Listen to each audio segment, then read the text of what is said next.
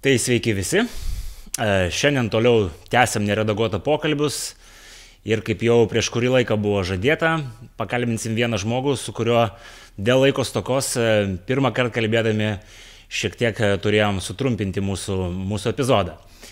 Kalbu apie Ramūną Karbauskį. Prieš pradedant pokalbį dar noriu priminti, kad kaip jau žinot, mes turim būsimą narystės puslapį, turim Patreoną. Nepamirškite prisidėti, kad mes greičiau auktume.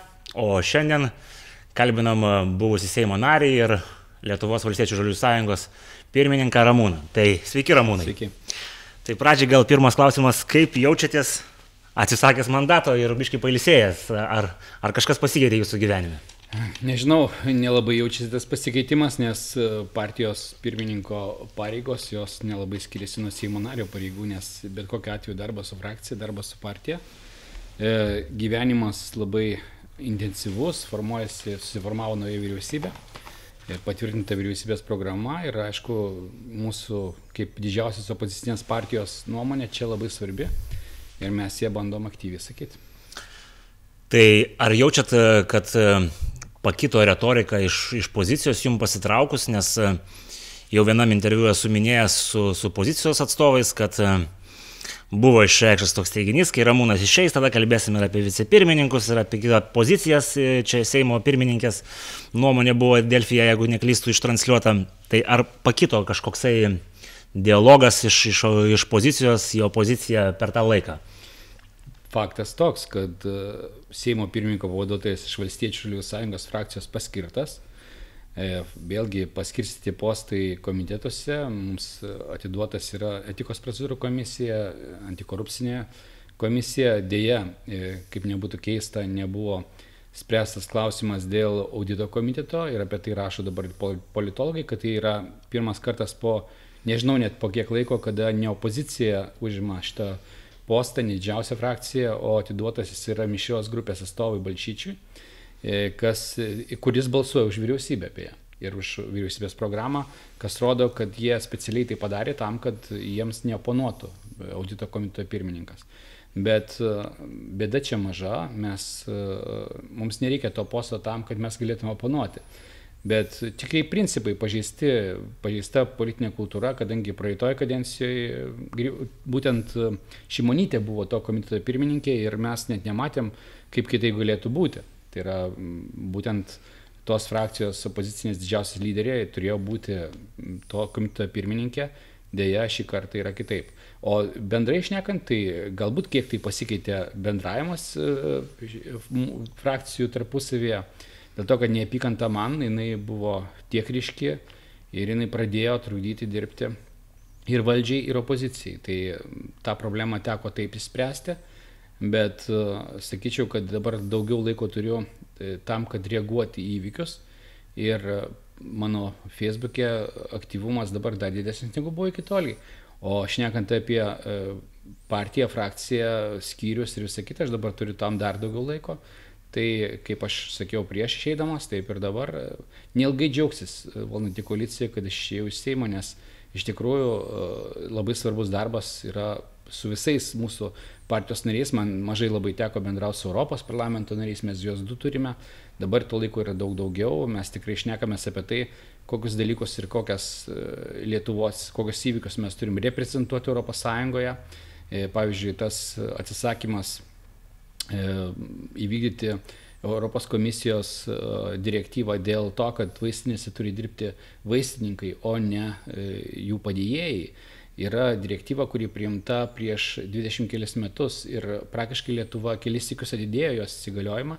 Mes kadencijoje savo priėmėm sprendimą nebetidėlioti šito įsigaliojimo ir tai jau yra, tam yra pasiruošta e, būtent vaistinių. Tik tai tinklai vaistinių, kurie yra labai turtingų, savininkų tinklai, jie kadangi visai orientuoti į pelną, o ne į kokybę darbo arba, e, arba aptarnavimo kokybę, jie tam dalykui prieštarauja ir matosi, kad dauguma jau nori atidėti šitą, vėl dar sėki atidėti šitą sprendimą ir Lietuva būtų viena iš nedaugelio šalių, kur ne vaistininkas su aukštuoju įsilavinimu, o jo padėjėjas, kuris baigęs technikumą, reiškia, jisai pardavinėja vaistus ir taip toliau. Tai yra rizikuojant žmonių sveikata, mes didintumėm pelną, sakykime, vaistinių tinklų. Dėl to mes ruošiamės kreiptis į Europos komisiją Ir aš pats asmeniškai, kaip partijos pirmininkas, tą padarysiu, Europos parlamento nariai mums padės šitą dalyką daryti, parodydami, kad Lietuva vis dėlto yra šalis, kurioje pasikeitus valdžiai nebenorima vykdyti ES direktyvų. Tai šitoje vietoje dar, kadangi jau prabilote apie tai, paklausiu, o kodėl per keturis metus šita direktyva nebuvo ratifikuota ir priimta? Ne, jinai ratifikuota yra jinai surios ratifikuota, jinai yra primta. Mhm. Mes tiesiog atsisakėm dar sėki ją atidėti. Mes norėjom, mes, mūsų sprendimas buvo toks, kad sausio pirmą dieną, 21 metų įsigalioja šitą direktyvą ir pagal e, tvarką visuose vaistinėse turėtų dirbti vaistininkai, pardavinėti vaistus. Tai taip būtų, jeigu šita valdžia nepabandytų, ką dabar bando padaryti, juos vėl atidėti, arba priimti statymo projektą, aš esu jokingas, aišku, savo esme, kad uh, kad e, jeigu jie neužteks balsų juos atidėti, tai tokia atveju jie bandys prastumti, kad e, vaistininkas dirbtų nuotoliniu būdu reiškia vaistininkas sėdėtų kažkur tai kažkokiam kabinete ir jis aptarnautų eilę. Vaistinių, vienas ant penkių. Vienas ant penkių. Ir tą labai sunku įsivaizduoti, aš suprantu ir tą pačią mačiutę, jeigu ateis vaistų kažkokiu tai, kaip jie reiks bendrauti su to kompiuteriu, su to ekranėliu. Ir, o jeigu ateis į penkias vaistinės 25 mačiutės tuo pačiu metu, kas joms darys laukti, e, kada jas kažką aptarnaus, bet kokiu atveju betarpiškas vaistininko bendravimas su su e, ligoniu, su e, žmogum, kuris ieško vaisto, yra e, tas principas, kuris man logiškai galioja vaistininkui, vaistinėse. Tai šitai vietai aišku, kad galima be galo norėti uždirbti pinigus ir, ir tą darė uh, du sikius atidėdami, sakau, šitos e, būtent ratifikavimą. O, kad, o, o kada jos buvo atidėtos pirmą kartą čia prie... Čia prie, man atrodo, pirmas iki buvo prie konservatorių atidėta dar iki 12 metų, po to prie socialdemokratų. Kiek aš atsimenu tą situaciją, du kartus. Mhm. Tai man atrodo, 16 metais kaip tik tai prieš mum ateinant į valdžią jis buvo dar sėk atidėtas šitas e, būtent direktyvos įsigaliojimas ir, ir praktiškai mūsų nuomonė tai yra tiesiog eilinį kartą bandymas padirbti tiems žmonėms, kurie šitą valdžią rėmė finansiškai. Tai nestebina, nes jie visą laiką taip darė ir iki 16 metų mes žinom skandalus ir Masiulio bylą ir taip toliau, kada Landsbergis pristatinėjo savo programą rinkiminę e, MG Baltiko atstovui, vieninteliam Lietuvoje ir iš kitoms kažkaip tai įmonėms jis nepristatinėjo. Tai e, gaila dar tas e, nepasibaigė teisminis procesas, nes ten labai jisai platus ir aišku, tai yra tam tikri principai, kada politikai tarnauja e, verslui ir dabar matome iš to, kas vyksta, kad vyksta toliau tie patys dalykai.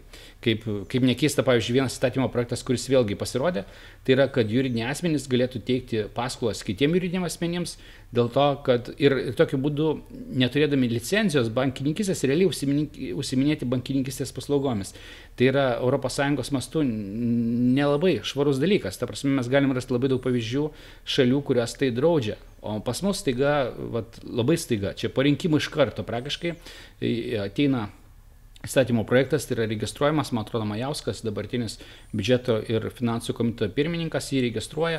Kam jisai reikalingas? Tikrai ne valstybė, tikrai ne Lietuvo žmonėms. Jis reikalingas tam tikrom verslo grupėms, tam tikras operacijas daryti ir apeiti banko, bankų, reiškia, sistemą ir taip toliau. Aš neturiu galvoj, kad mes, kad nereikia e, stiprinti bankų sektorius. Bankų sektorius yra Lietuvoje per silpnas, e, palūkanos yra per didelės, bet e, šitas sprendimas, toks siūlymas, jisai pažeidžia tam tikrą sistemą, skaidrumą sistemos bankininkistės ir, ir atitinkamai galima po to paslėpti tam tikras operacijas, kurios turėtų būti kontroliuojamas kitų būdų.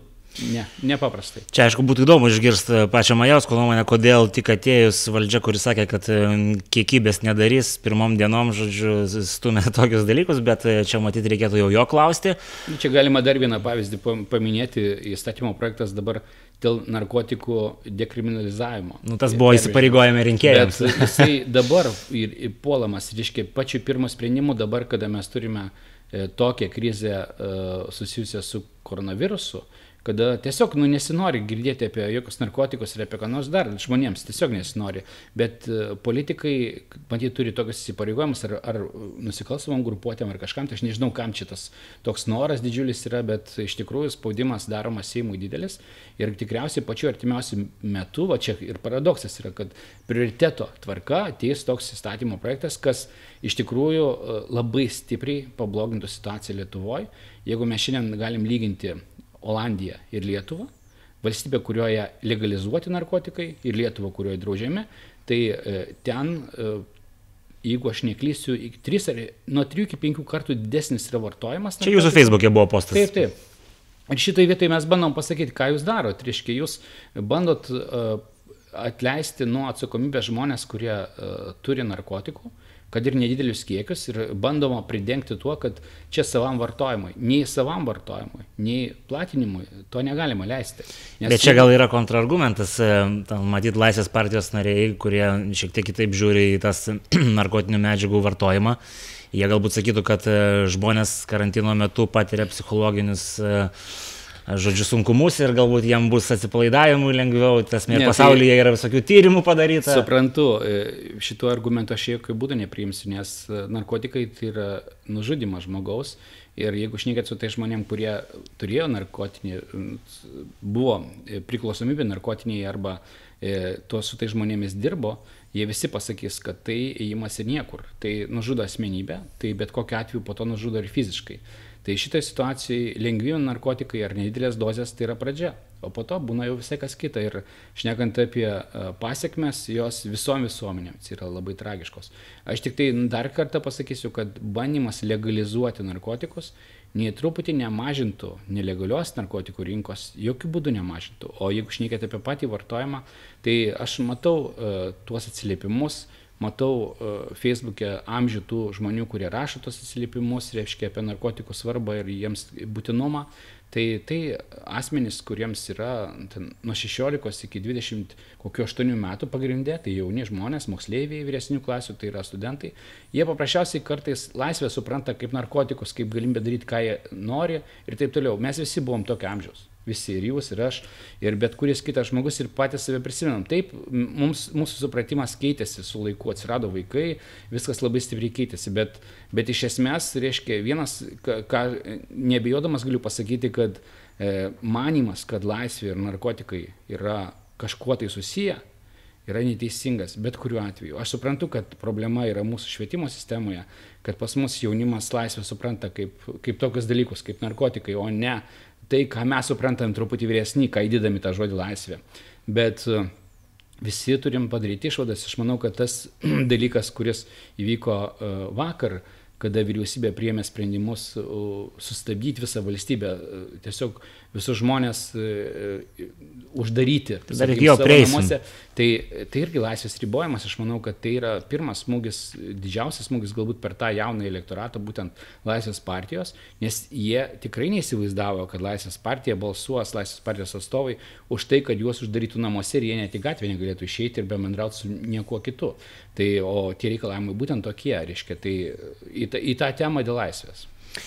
Jo, tai matyt, dar prieš tos temos vienas iš tų argumentų, kuo yra grindžiami šitie dekriminalizavimo siekiai, tai yra, kad į valstybės biudžetą įplauktų tam tikrą finansų dalis, žodžiu, iš, iš, iš priekybos per mokesčius, kas, kas neįplaukia. Aš suprantu, čia jokinga šnekėti, mes lygiai tas pats argumentas galioja ir alkoholio, tada priekybai ir mes patys žinome ir tai nepaneigiama, kad e, valstybė sumoka daug daugiau e, likviduodama pasiekmes, tai yra penkis kartus pagal skaičiavimą, negu surenka pinigų už tai, kad tiesiogiai prekiauja. Nes būtent vat, jie ir grindžia, kad iš tų mokesčių bus galima užsiimti rehabilitaciją. Tai aš, aš dar kartą pakartosiu mintį.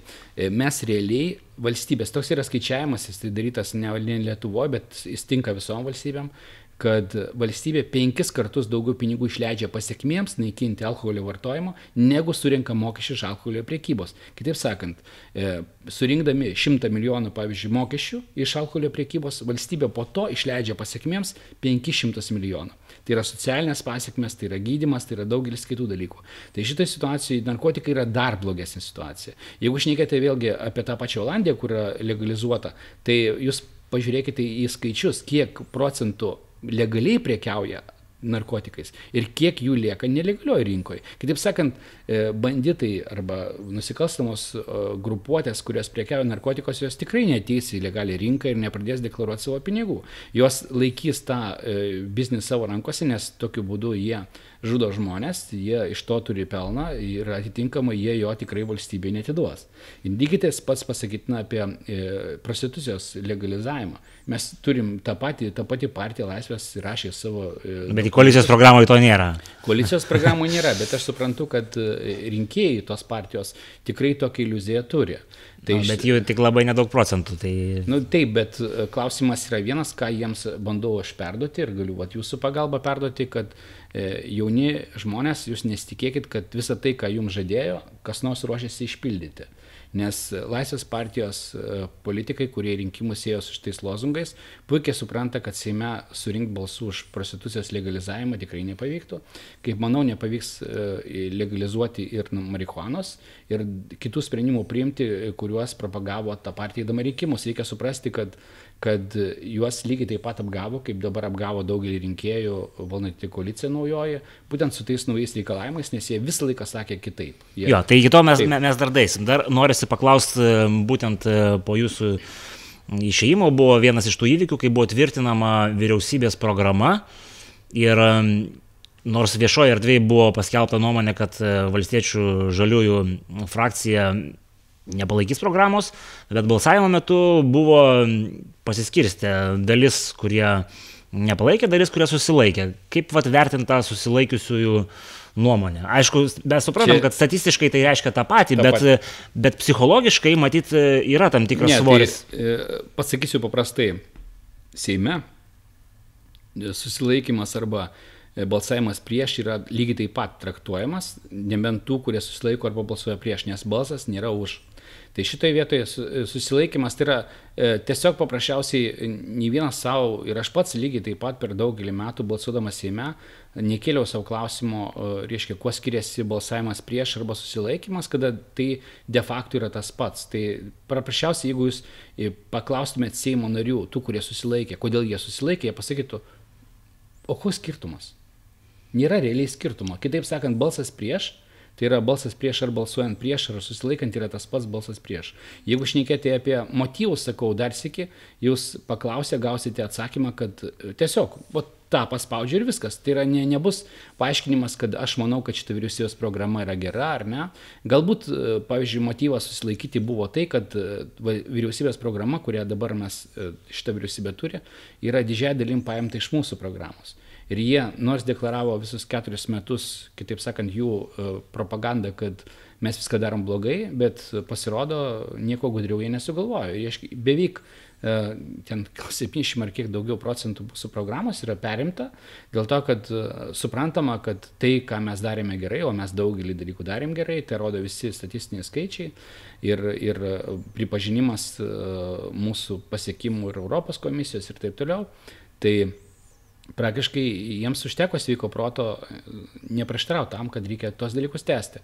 Tik tai viena dalykas, kad, kas aišku rinkėjams truputį turėtų būti keista, kada žmonės keturis metus šnekėja apie tai, kokie valstiečiai kvaili, dabar tęsia jų darbus. Reiškia, ir mes tą konstatavom, kad iš tikrųjų kai kurie punktai tiesiog visiškai perrašyti. Ten labai daug teksto, kuris yra tiesiog paimtas iš mūsų programos, bet e, svarbu, kad tas būtų daroma toliau, ką mes pradėjom daryti. Mumsgi e, nebus blogiau, kad žmonėms bus geriau. Mes labai džiaugsimės. Ir šitoje situacijoje aš tą bandžiau pasakyti ir atsakysiu toliau, kad konfrontacija kuriam ne mes jie iš pat pradžių, prieš 16 metais ir dabar lygiai po šitų rinkimų e, kūrė opoziciją, nu, arba dabartinė valdžia. Jie pradėjo kovoti su mumis, mes su jais nekovojame. Mes paprasčiausiai suprantam, kad svarbiausiai, kaip jausis Lietuvo žmonės. Jeigu ta jų kova kenkia, o tai akivaizdu, tai tokiu atveju mes, mes sakom, kad tai yra negerai. Jeigu jų kova e, padėtų mes būtumėm, pavyzdžiui, būsi labai bloga valdžia, su mumis reikia kovoti, mus,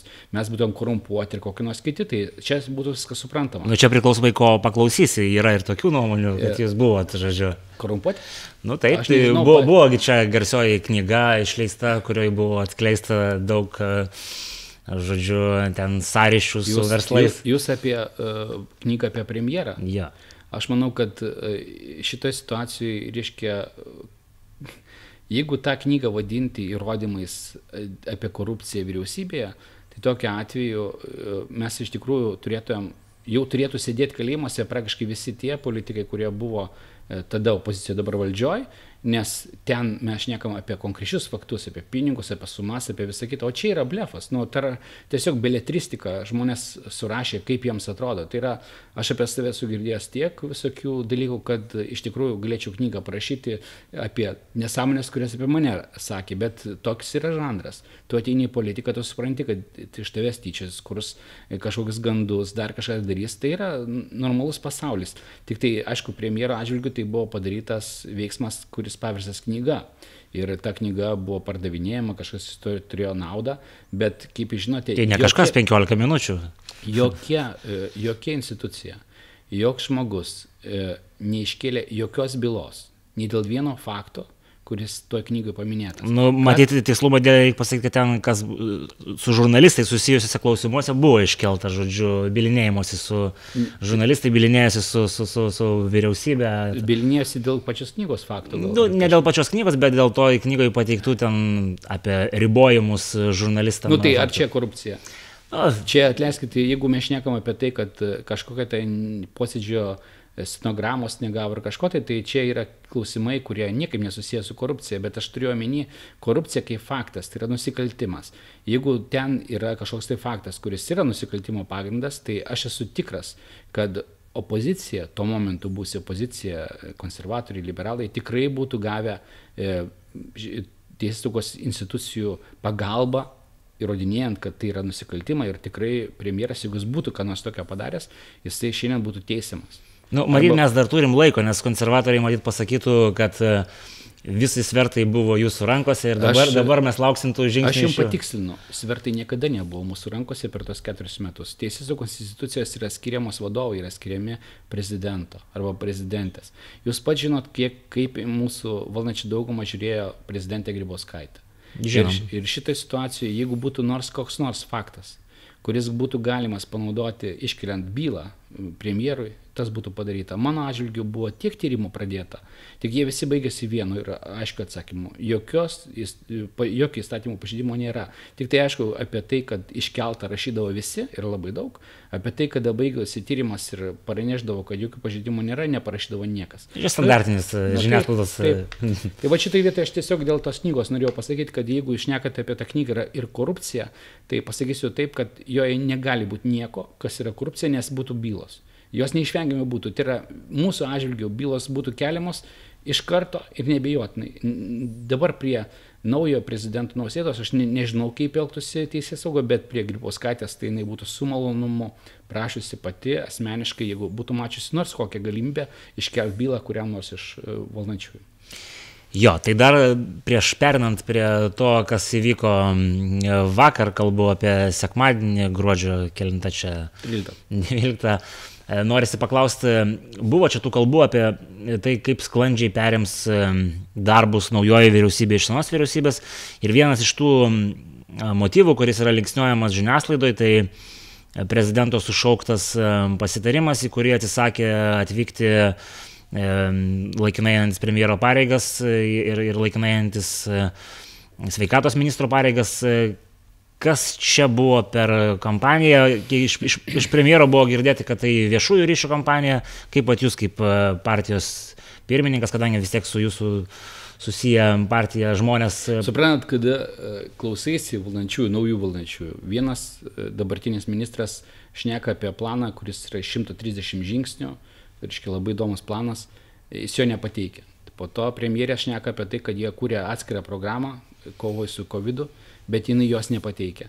Vakar mes sužinojom, kad nei to plano nėra, nei, nei jo nieko nėra. Kitaip sakant, jie netgi vakar tris kartus ar keturis atidėjo posėdį vyriausybės dėl to, kad vis dar galvojo, ką čia reiktų padaryti. Reiškia, toks karštas darbas, prisimenam mano logiją, prisimenant tuos senus senus laikus, naktinės reformas, tai čia praktiškai savaitgalinė reforma buvo, bet e, ką noriu pasakyti, premjeras ir ministras iš tikrųjų puikiai Saulis Karnelis ir Aurelius Veryga e, puikiai suprato, kad e, šitie žmonės, kurie labai ilgai e, žemino mus ir sakė, kad mes neprimam jokių sprendimų, sprendimai labai blogi, jie neduoda jokio efekto, jie neturėjo nieko.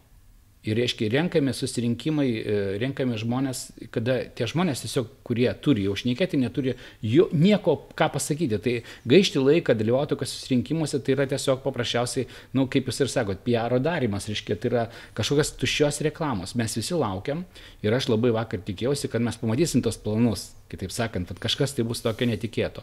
Ir reikia paaiškinti žmonėms.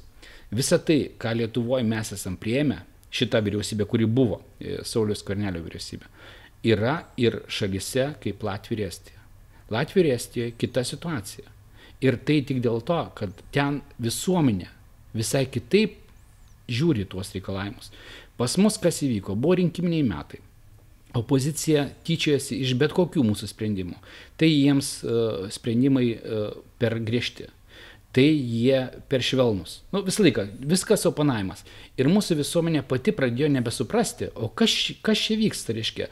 Nei Latvijoje, nei Estijoje tokios konfrontacijos tarp valdžios ir opozicijos ir, ir, ir tokio dvilypio aiškinimo visuomeniai, ką reikia daryti, o ko nereikia, nebuvo.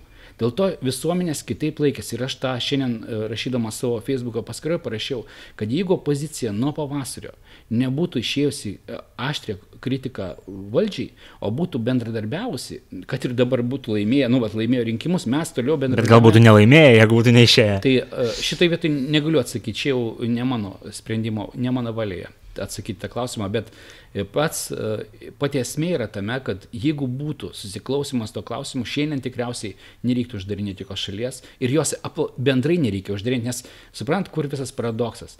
Kokį be priimsi draudimą, apart kariuomenės, e, reiškia didžiulių baudų ir viso kito, prievartos ką jie patys visą laiką sakė, čia policinė valstybė, čia policinė valstybė. Tai vad jie eina dabar link tos policinės valstybės, link kurios mes niekada neėjom.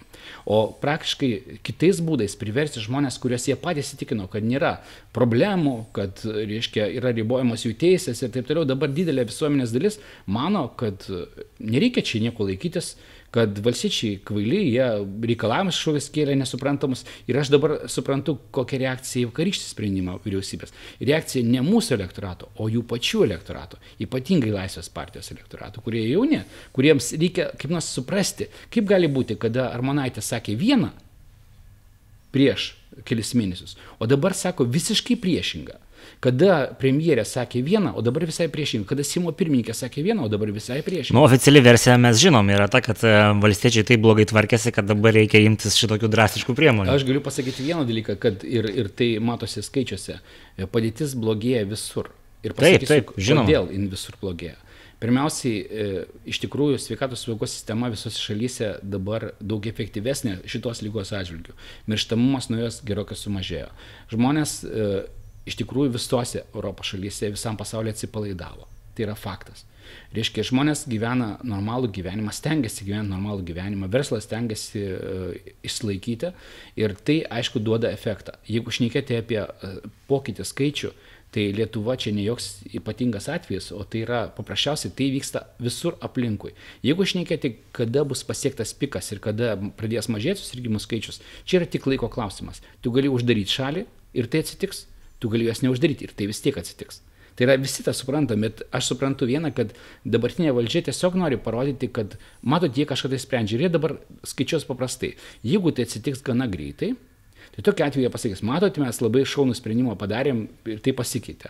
Jeigu tai neatsitiks greitai, jie paaiškins, kad tikriausiai valstiečiai tiek blogai viską yra padarę, kad tai tiesiog nebegali pagerėti ir taip toliau, nes paaiškinti e, tuos vakarykščius sprendimus logiškai labai sunku bus suduotas didžiulis smūgis ekonomikai, vienas dalykas. Tai yra, galima atlaikyti, pavasarį mes turėjom tą nuosmukį e, po dviejų savaičių karantino tokio žiauraus. Dabar e, yra ilgesnis laikas, jau kaip minimum trys savaitės tokio griežto karantino ir dar su jų šnekėjimu apie tai, kad jie galbūt iki sausio mėnesio jį prates. Aš noriu pasakyti vieną, kad pats svarbiausias dalykas žiūrėti, kad sveikatos apsaugos sistema neperdėktų. Jie šitą ir bando padaryti, bent jau taip deklaruoja. Ne, aš Klausimas yra vienas. Jeigu šitie žmonės e, nebūtų pripratę 8 metus ir daugiau, jie valdžioje nebuvo ilgą laiką, nebūtų pripratę šnekėti tik propagandinius žinutės, o šnekėtų faktiškai. Tai jie pripažintų tai, kad šit būsi valdžia jau darė ir, ir atitinkamai ir lovų skaičiaus didinimas, ir technikos užpirkimai, visi ir taip toliau. Tai yra, e, me, tikrai valstiečių valdžia nebuvo ta, kuri nesirūpino ir ne, negalvoja apie tos dalykus. Paprasčiausiai mes niekada nežinom, mes juk nežinojom vasarą, kad šiandien turėsim, pavyzdžiui, 3000 sirgymų Taip, mes nežinojom šito. Bet jau vasarą buvo vykdomi pirkimai. Nu, opo, oponentai, aišku, pasakytų, kad e, vasarą reikėjo mažiau atsipalaiduoti, nes teoriškai visi Teisi, laukia bangos. Teisingai, dabar jie tai pasakys, bet paskaitykit, ką jie sakė vasarą. Juk praktiškai aš beveik cituoju jums e, žodžius, kuriuos sakė Arbonaitė, Šimonytė, Šmilytė. E, Jos jos sakė, kad nieko to nereikia, kad yra ribojama žmonių teisės, kad problemos jau nebėra, karantinas nereikalingas. Šmilytė sakė, karantinas nereikalingas. Čia jo žodžiai. Jau klausimas yra visą laiką, visą tą laiką e, sveikatos ministerija dirbo e, siekdama aprūpinti sveikatos įstaigas tam, kad e, padidėjus krizėje atėjus naujai bangai būtų mūsų sveikatos sistema pasiruošusi. Ir kaip jūs matote, pas mus sveikatos sistema nedega. Jis taip įsitempusi, problemų yra daug, bet praktiškai viskas valdoma. Kitas dalykas, mes pilnai suprantam, kad prasideda jau klausimas dėl skiepimosi, dėl vakcinų panaudojimo. Jos jau atsirado, jos jau yra patvirtintos, tai yra praktiškai e, artimiausiu metu jos atsiras ir Lietuvoje. Be abejonių, ką turėtų valdžia pirmiausia daryti? Jie turėtų bandyti išaiškinti visuomeniai, kur čia pavojai, kur čia yra e, kažkokias geri dalykai. Prisimet, Saulis Karnelis prieš kurį tai laiką yra šnekėjęs jau prieš keletą mėnesių, kai jisai minėjo, kad vad atsiras vakcinos ir viskas pasikeis, kad e, tie, kurie bus, e, turės vakciną, jie galės be jokių problemų keliauti ir taip toliau, taip toliau, kurie bus paskiepyti. Tai praktiškai tada jis buvo labai stipriai užpultas, kad va čia vėl žmonės, reiškia, bus gal prievarta vakcinuojami ar dar kažtai. Ne, nieks prievarta to nedarys, nebent e, užtektų konservatoriam liberalam balsų, kad priimti prievartinį vakcinavimą, bet e, netikiu, kad jiem užtektų tų balsų, nors jie ir buvo šalininkai, kad prievartą tai daryti. Praeitam Seime jie būtent siūlė skiepus padaryti privalomais. Bet mes tam prieštaravome, dabar aš tikiuosi, kad balsų neužtektų. Tai grįžtu atgal prie klausimo, kad praktiškai e, tie, kurie turės imunitetą, prieš juos bus atviras visas pasaulis. Tai yra avialinijose niekas nereikalaus pažymų kažkokiu, tai nereikalaus prieš dvi dienas pasitikrinti, ar tu sergi ar ne, reiškia, nuskridus vėl nereikalaus e, ten dviejų savaičių e, savizolacijos ir visa kita. Tai yra, Saulis apie tai išnekėjo. Ir iš tikrųjų visas pasaulis po tam tikro momento, aš tikiuosi, kad kitų metų pavasarį tai atsitiks, e, pradės tuo klausimu taip ir tvarkytis. Tie, kurie turi imunitetą dėl to, kad turi skiepą, jiems jokie pribomai nebus taikomi, tas žmogus yra saugus, jeigu tu nebusi paskiepytas, tai tau galioja visas pačios taisyklės, kurios galioja šiandien. Tu gali nesiskiepyti, jokių problemų. Tik tai tu turi laikytis to, darytis to pasitikrinimą, reiškia testą, po to tu turi izoliuotis, visą kitą, nes tu esi potencialus e, ligonis, jeigu tu susirgtum išvykęs kažkur, tai tu apkrausi to šalies sveikatos sistemą, tu padarysi taip, kad dar dalis to šalies piliečių užsikrės. Dėl to tokia tvarka yra nustatyta. Tai Šitoje situacijoje manau, kad e, dabartinis sprendimas šitos vyriausybės, kad e, vėl uždaryti visas šalį yra jau per vėlyvas, o jis anksčiau nebuvo, e, nebuvo logikos jį anksčiau daryti, nes nebuvo tiek susirgymų, suprantat? Ir dėl to praktiškai visas teigimas, kad valstiečiai darė neteisingai, yra kuria tai prasme jokingas, nes mes darėme visiškai tą patį, ką darė Latvija ir Estai. Tik tai, kaip pasakiau jums, ten visuomenė suprato, ko nori valdžia ir kodėl valdžia prašo šito. O pas mus nesuprato, nes politikai, e, būtent tie politikai, kurie dabar valdžioje, jie aiškino ilgą laiką visuomeniai, kad, nu, tiesiog berazumiai kažkokie tai įvedė karantiną. Kolchoznikai, kaip jūs vadinate. Taip, taip. Tai šitą situaciją aš tik linkiu jiems, aš tikrai nuoširdžiai linkiu, e, kad kad jie suvalytų situaciją. Mes tikrai, jeigu, jeigu jiems reiks pagalbos, padėsim, ko galėsim, ta prasme ir konsultacijoms, ir, ir dar kažko tai. O dabar tiesiog aš nesuprantu jų elgesio, nesuprantu, kam reikėjo taip daryti. Kitas sprendimas, kurį aš matau kaip realų sprendimą, reikėjo kreiptis į visuomenę, prezidentui, naujai premjeriai, opozicijai, mums, mums taip pat sakyti, būkite geri. Va dabar artėja šventės. Nu, stenkitės saugoti vieni kitus ir, ir, ir taip toliau, saugoti save. E, pabandykim padaryti, kad visi laikytis tų apribojimų, kurie yra jau priimti. Ir to tikrai būtų užtekę, nes kas yra uždaryti mūsų visus, reiškia, ra, savo savivaldybės ir taip toliau. Taigi situacijos tai iš esmės nepakeičia, jeigu žmogus nenešioja kaukės, ar, ar, ar, ar reiškia, ten nesiplauna rankų, ar, ar neatsilaiko atstumų ir taip toliau, realiai galimybė užsikrėsti tame pačiam rajone tokia pat kaip ir kitam rajone. Bet Ramonai, čia matyt reikėtų pasakyti, kad valstiečių ir, ir, ir, ir koalicinė vyriausybė irgi buvo uždarius prieš e, didžiasias šventės e, Lietuvos savivaldybės. Teisingai, jeigu aš niekam apie e, Velykas, jeigu aš ne, ne, nepamiluosiu, bet tada mes turėjom visiškai kitą situaciją. Mes turėjom situaciją, kada trūko visko. Ir apsaugos priemonių trūko. Ir sveikatos sistema nebuvo pasirengusi. Ir taip toliau, jeigu mes būtumėm tada turėję tokią krizę kaip dabar, mums būtų, mes būtumėm praradę daug daugiau žmonių, mes būtumėm iš tikrųjų turėję neapsakomai sudėtinga situacija, nes aš prisimenu tuos filmuotus kadrus iš Italijos, kaip e, žmonės buvo guldomi e, gatvėse. Bažnyčiose. Bažnyčiose, na gatvėse niekas neguldė, bet bažnyčiose buvo guldomi dėl to, kad ten vėsiau, kad išsaugoti nu, kūnus, kad juos po to palaidoti, nes tai buvo tiesiog tragedija.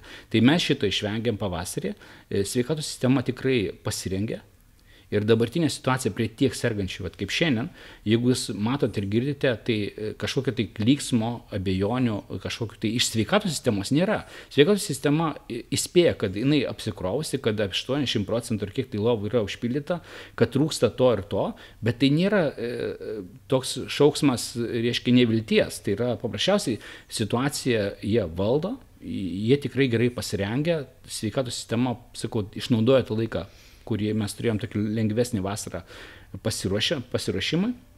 Dabartiniai situacijai tikrai aš manau, kad daugiau reikia dėmesio sutelkti į skiepų e, klausimą. Bet čia dar noriu paklausti, nu, vis tiek matyt daugumai žmonių, kurie girdi skaičių 80, tai yra pakankamai toks didelis dydis. Jeigu tu pasakai, kad, na, nu, apkrauta ten 30 procentų, tai visi supranta, kad, na, nu, dar, dar yra tos erdvės, o kai yra 80, tai yra pakankamai nu, baugus skaičius. Baugus skaičius, reiktų pasakyti, yra tas, kada sunkiai sergančių skaičius pasidaro didelis labai ir kuriems reikia ten e, kažkokių tai specialių aparatų, kvepavimo ir visa kita.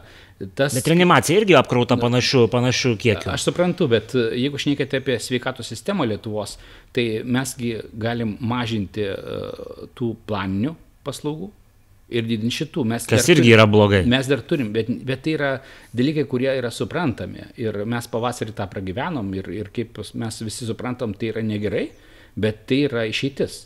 Tai yra mes neatsidurėm tokio situacijų, kaip, kaip atsidūrė kai kurios šalis Europos pavasarį, kada žmonės gulėjo koridoriuose, nu, ligonėse, koridoriuose ir taip toliau. Mes, mes tikrai labai toli nuo šito. Tiesiog paprasčiausiai dar kol kas kai kurios įstaigos nėra pervestos į, į režimą priiminėti tokius ligonius ir aš tikiuosi to nereiks. Bet, Bet šitoje vietoje dar aš noriu vieną klausimą paklausti susijusiu su, su ligoninėm. Vienas iš tų kaltinimų, kuris yra ore buvusiai vyriausybei, kad mm, ligoninės netapo pavaldžios ministerijai ir kad nebuvo suvienodinta tvarka, kad tai būtų buvę paprasčiau. Kur čia buvo tie pagrindiniai trukdžiai, kad nepavyko visko, ta prasme, kažkaip e, čia mobilizuoti? Labai, labai įdomus klausimas. Jeigu jisai ateina iš opozicijos mums, tas klausimas, tai jisai truputį keistas, nes opozicija padarė taip, kad mes neturim šiandien sistemos, kurie būtų pavaldi ministerijai. Šiandien yra savivaldybių ligoninės, kurios yra pavaldžios savivaldybėms, kurios neturi jokio ryšio su e, sveikatos ministerija ir kaltinti, pavyzdžiui, sveikatos ministeriją dėl to, kad savivaldybių ligoninės nesusitvarko, negali, nes jos neturi jokio pavaldumo.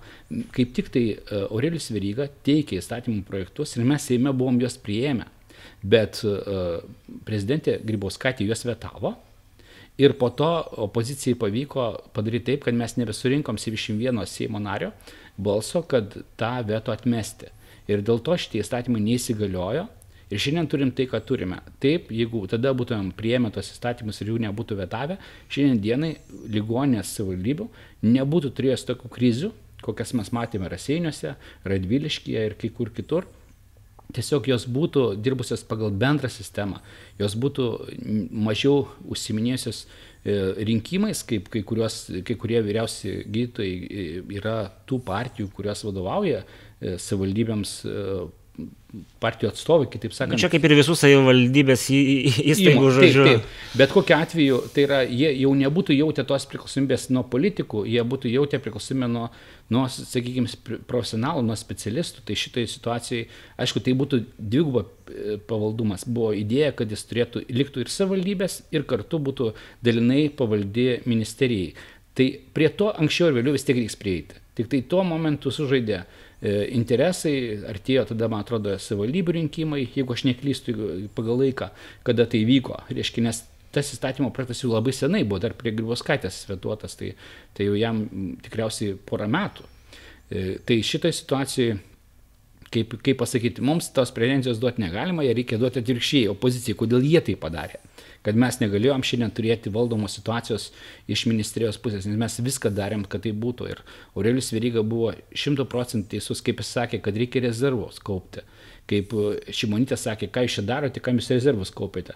O pasirodo, ateina tokie dalykai kaip šita krizė, e, koronavirusų ir paaiškėja, kad tie rezervai labai reikalingi. Na, šitoje vietoje irgi, man reikia pasakyti, kad e, yra vaizdo įrašai, kur e, buvęs sveikatos ministras netaip pozityviai kalba apie kaukės kažkurio metu ir joje yra cirkuliuojami viešoje nuomonėje. Aš tik suprantu, e, reiktų tik tai visą laiką prie bet kokio įrašo pridėti datą, kada tas įrašas darytas ir jeigu suprasite, kodėl jis toks darytas, tai yra pirmiausiai e, pačioj pradžioj, kada prasidėjo koronaviruso krizė ir kada kaukių trūko, labai stipriai trūko, pasaulio sveikatos organizacija rekomendacijos nešiot kaukės nedavė.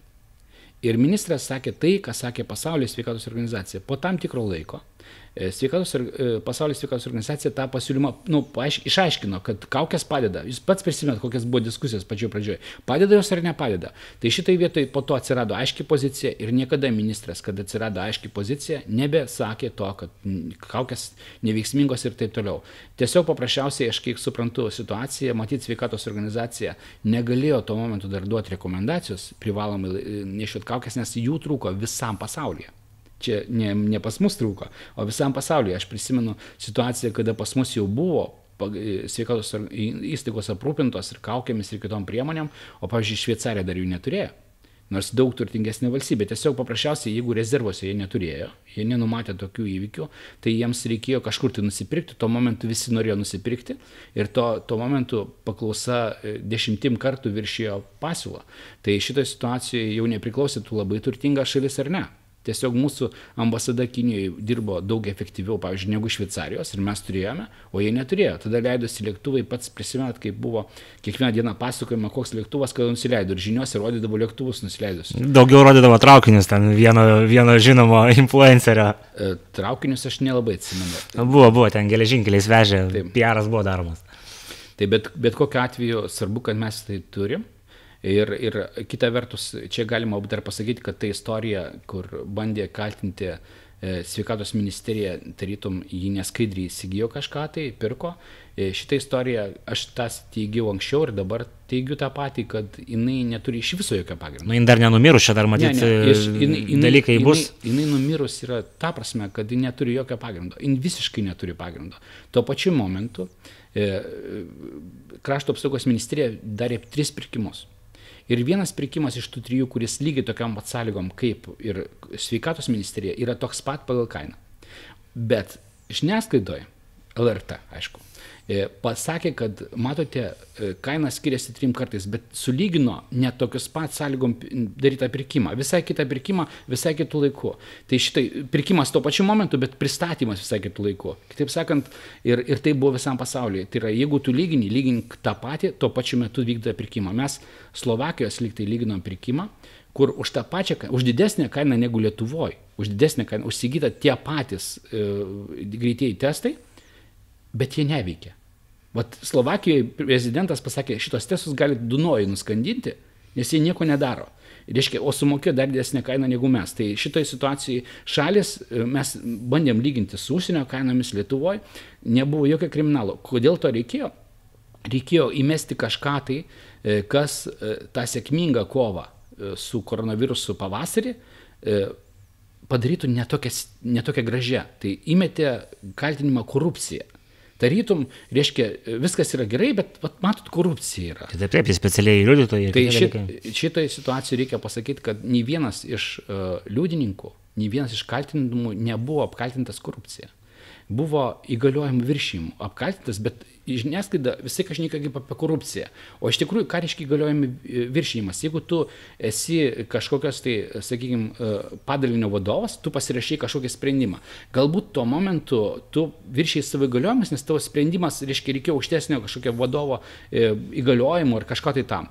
Galbūt čia yra problema. Laikas spaudė, čia momentu, žmonės supranta, kurie masto. Taip, tuo momentu aš pats žinau situaciją, aš dieną naktį stebėjau situaciją ir žinau, kaip viskas vyko.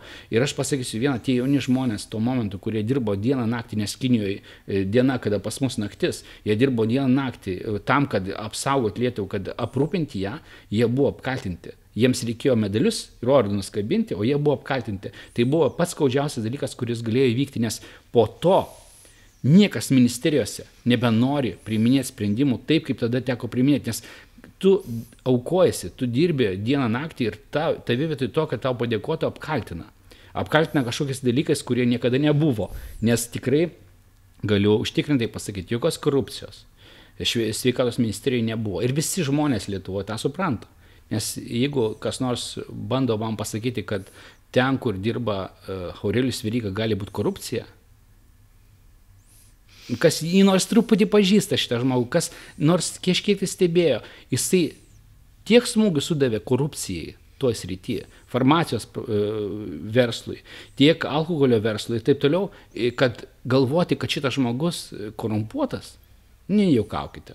Šitas žmogus iš tikrųjų, jeigu jisai, jis vienintelis iš sveikatos ministrų išdirbo keturis metus, nes anksčiau ministrai keitėsi kas metus, praktiškai jų 11 ar kiek pasikeitė per visas kadencijas. Aš manau, kad šitą, šitą diskusiją tai iš tikrųjų žmonės kalti, nekalti, tai teismai tam yra, jeigu bus tai, kaltinimai, bus kažkas aš, įrodyta. Aš galiu šiandien dėrėti su bet kuo. Į jokius teismus, į jokias bylos šito klausimu nepateks, nes kada nėra apie ką šnekėti, nėra apie ką šnekėti. Tai, yra, tai buvo tiesiog žiniasklaidos ir tuo momentu panaudotos tam tikros, vėlgi, ne prokuratūros, ne FNTT, tai yra, man atrodo, FNTT ten nusiminėjo. Čia buvo klausimas, kodėl ne prokuratūra, kodėl ne, e, reiškia, saugumo departamentas ir nu, kažkas. Nu, klausimas, matyt, dėl to, nes kaltinama buvo, kad pinigai plaunami yra per tai. Kokie pinigai plaunami? Klausimas yra, niekas jokių kaltinimų dėl jokių pinigų plovimo ir taip toliau nepatikė. Tai yra vienintelė žiniasklaidos priemonė, kuri pateigė, kad tris kartus brangiau įsigyta, negu galima buvo įsigyti, kuri pamelavo, nepasakydama, kad tuo pačiu metu krašto apsaugos ministerija darė ne vieną, o tris pirkimus ir nepalygino tokiom pat sąlygom įsigytų preparatų. Kita vertus, jie visiškai ignoravo užsienio tuo pačiu momentu darytos pirkimus. Kaip faktas, aš jums paminėjau vieną faktą Slovakijos, o tų faktų labai daug ir ten niekur nėra mažesnių kainų. Tuo momentu nebuvo. Tai šitai situacijai paprasčiausiai aš manau, kad tai, na, nu, paprastai išnekant, tai buvo akcija rinkiminė, akcija nukreipta į tai, kad kažkaip tai įnešti tokį neiškumą žmonėms. Ta puikiai pavyko padaryti, nes kai tai kartuoja šimtą kartų, e, tai kažkaip tai žmonėms stringa. Bet e, čia tik trumpas laikas, manau, kad pusmečio e, ar ten metų bėgiai bus aišku, kad tai buvo iš pirštų trauktas dalykas, paaiškės, nes bus nutraukta viskas, aš esu to tikras. Ir šitoje situacijoje paprasčiausiai visi supras, kad visi buvo būti. Jo, tai šitą mes tikrai pamatysim, tiek mes, tiek jūs, tiek visi. Tai matyt, dar norisi paklausti visgi tas sprendimas, kurį prieėmė vakar vyriausybė, apriboti tam tikras laisvės, vardant tam tikrų tikslų, kuriuos jie nori pasiekti. Ir didžioji dalis ministrų, kaip e, teisingai kai kurie komentatoriai pastebi, ir šiame tarpe turiu paminėti, kad ir jūsų postas e, šią temą yra, visą laiką buvo kalbama, kad e, laisvė, bizūnas, negalima čia riboti policinė valstybė. Tai Kas čia nutiko? Čia šaunama savo į koją, ar čia kažkokie kiti tikslai yra bandomi? Na, aš manau, kad jie, e, čia reikia vėlgi istoriją prisiminti. Kada pavasarį prasidėjo krizė, jūs prisimenat, kad konservatoriai pirmiausiai pradėjo rėkti, kad reikia nepaprastos padėties.